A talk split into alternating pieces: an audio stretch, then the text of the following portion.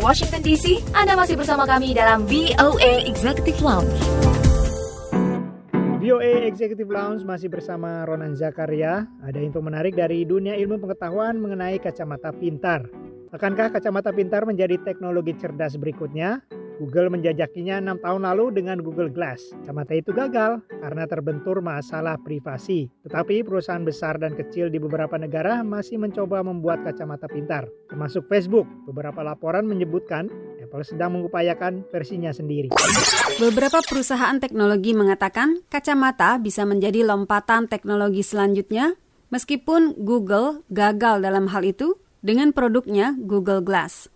Liz Goodnow pada Snap Incorporation Product Communications mengatakan, In the future, we won't be only limited to our smartphones. Pada masa depan, kita tidak hanya mengandalkan telepon pintar untuk memahami dunia. Jadi ini merupakan investasi awal untuk masa depan itu. Snap adalah perusahaan berbasis di Amerika.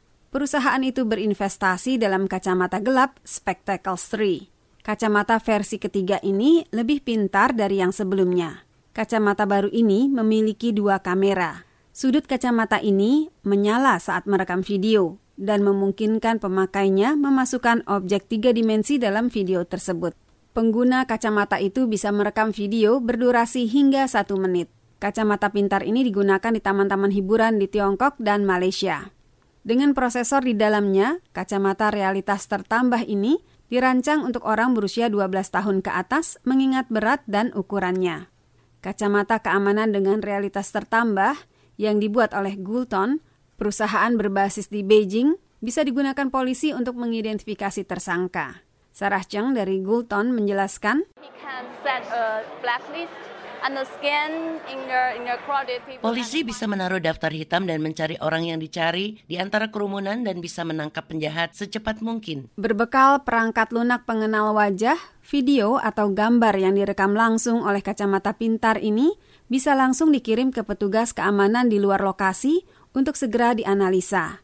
Dalam perangkat apa pun yang dilengkapi kamera internal, selalu timbul kekhawatiran akan privasi. Itu pula yang menjadi salah satu alasan konsumen menolak kacamata pintar Google Glass.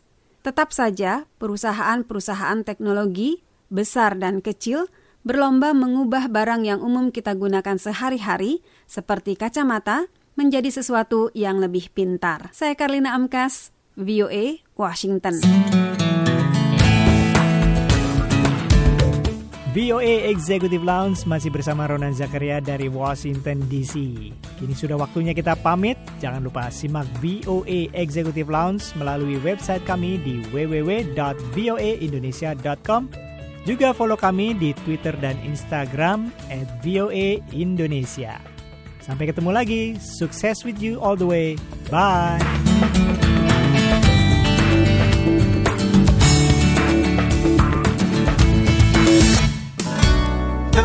myself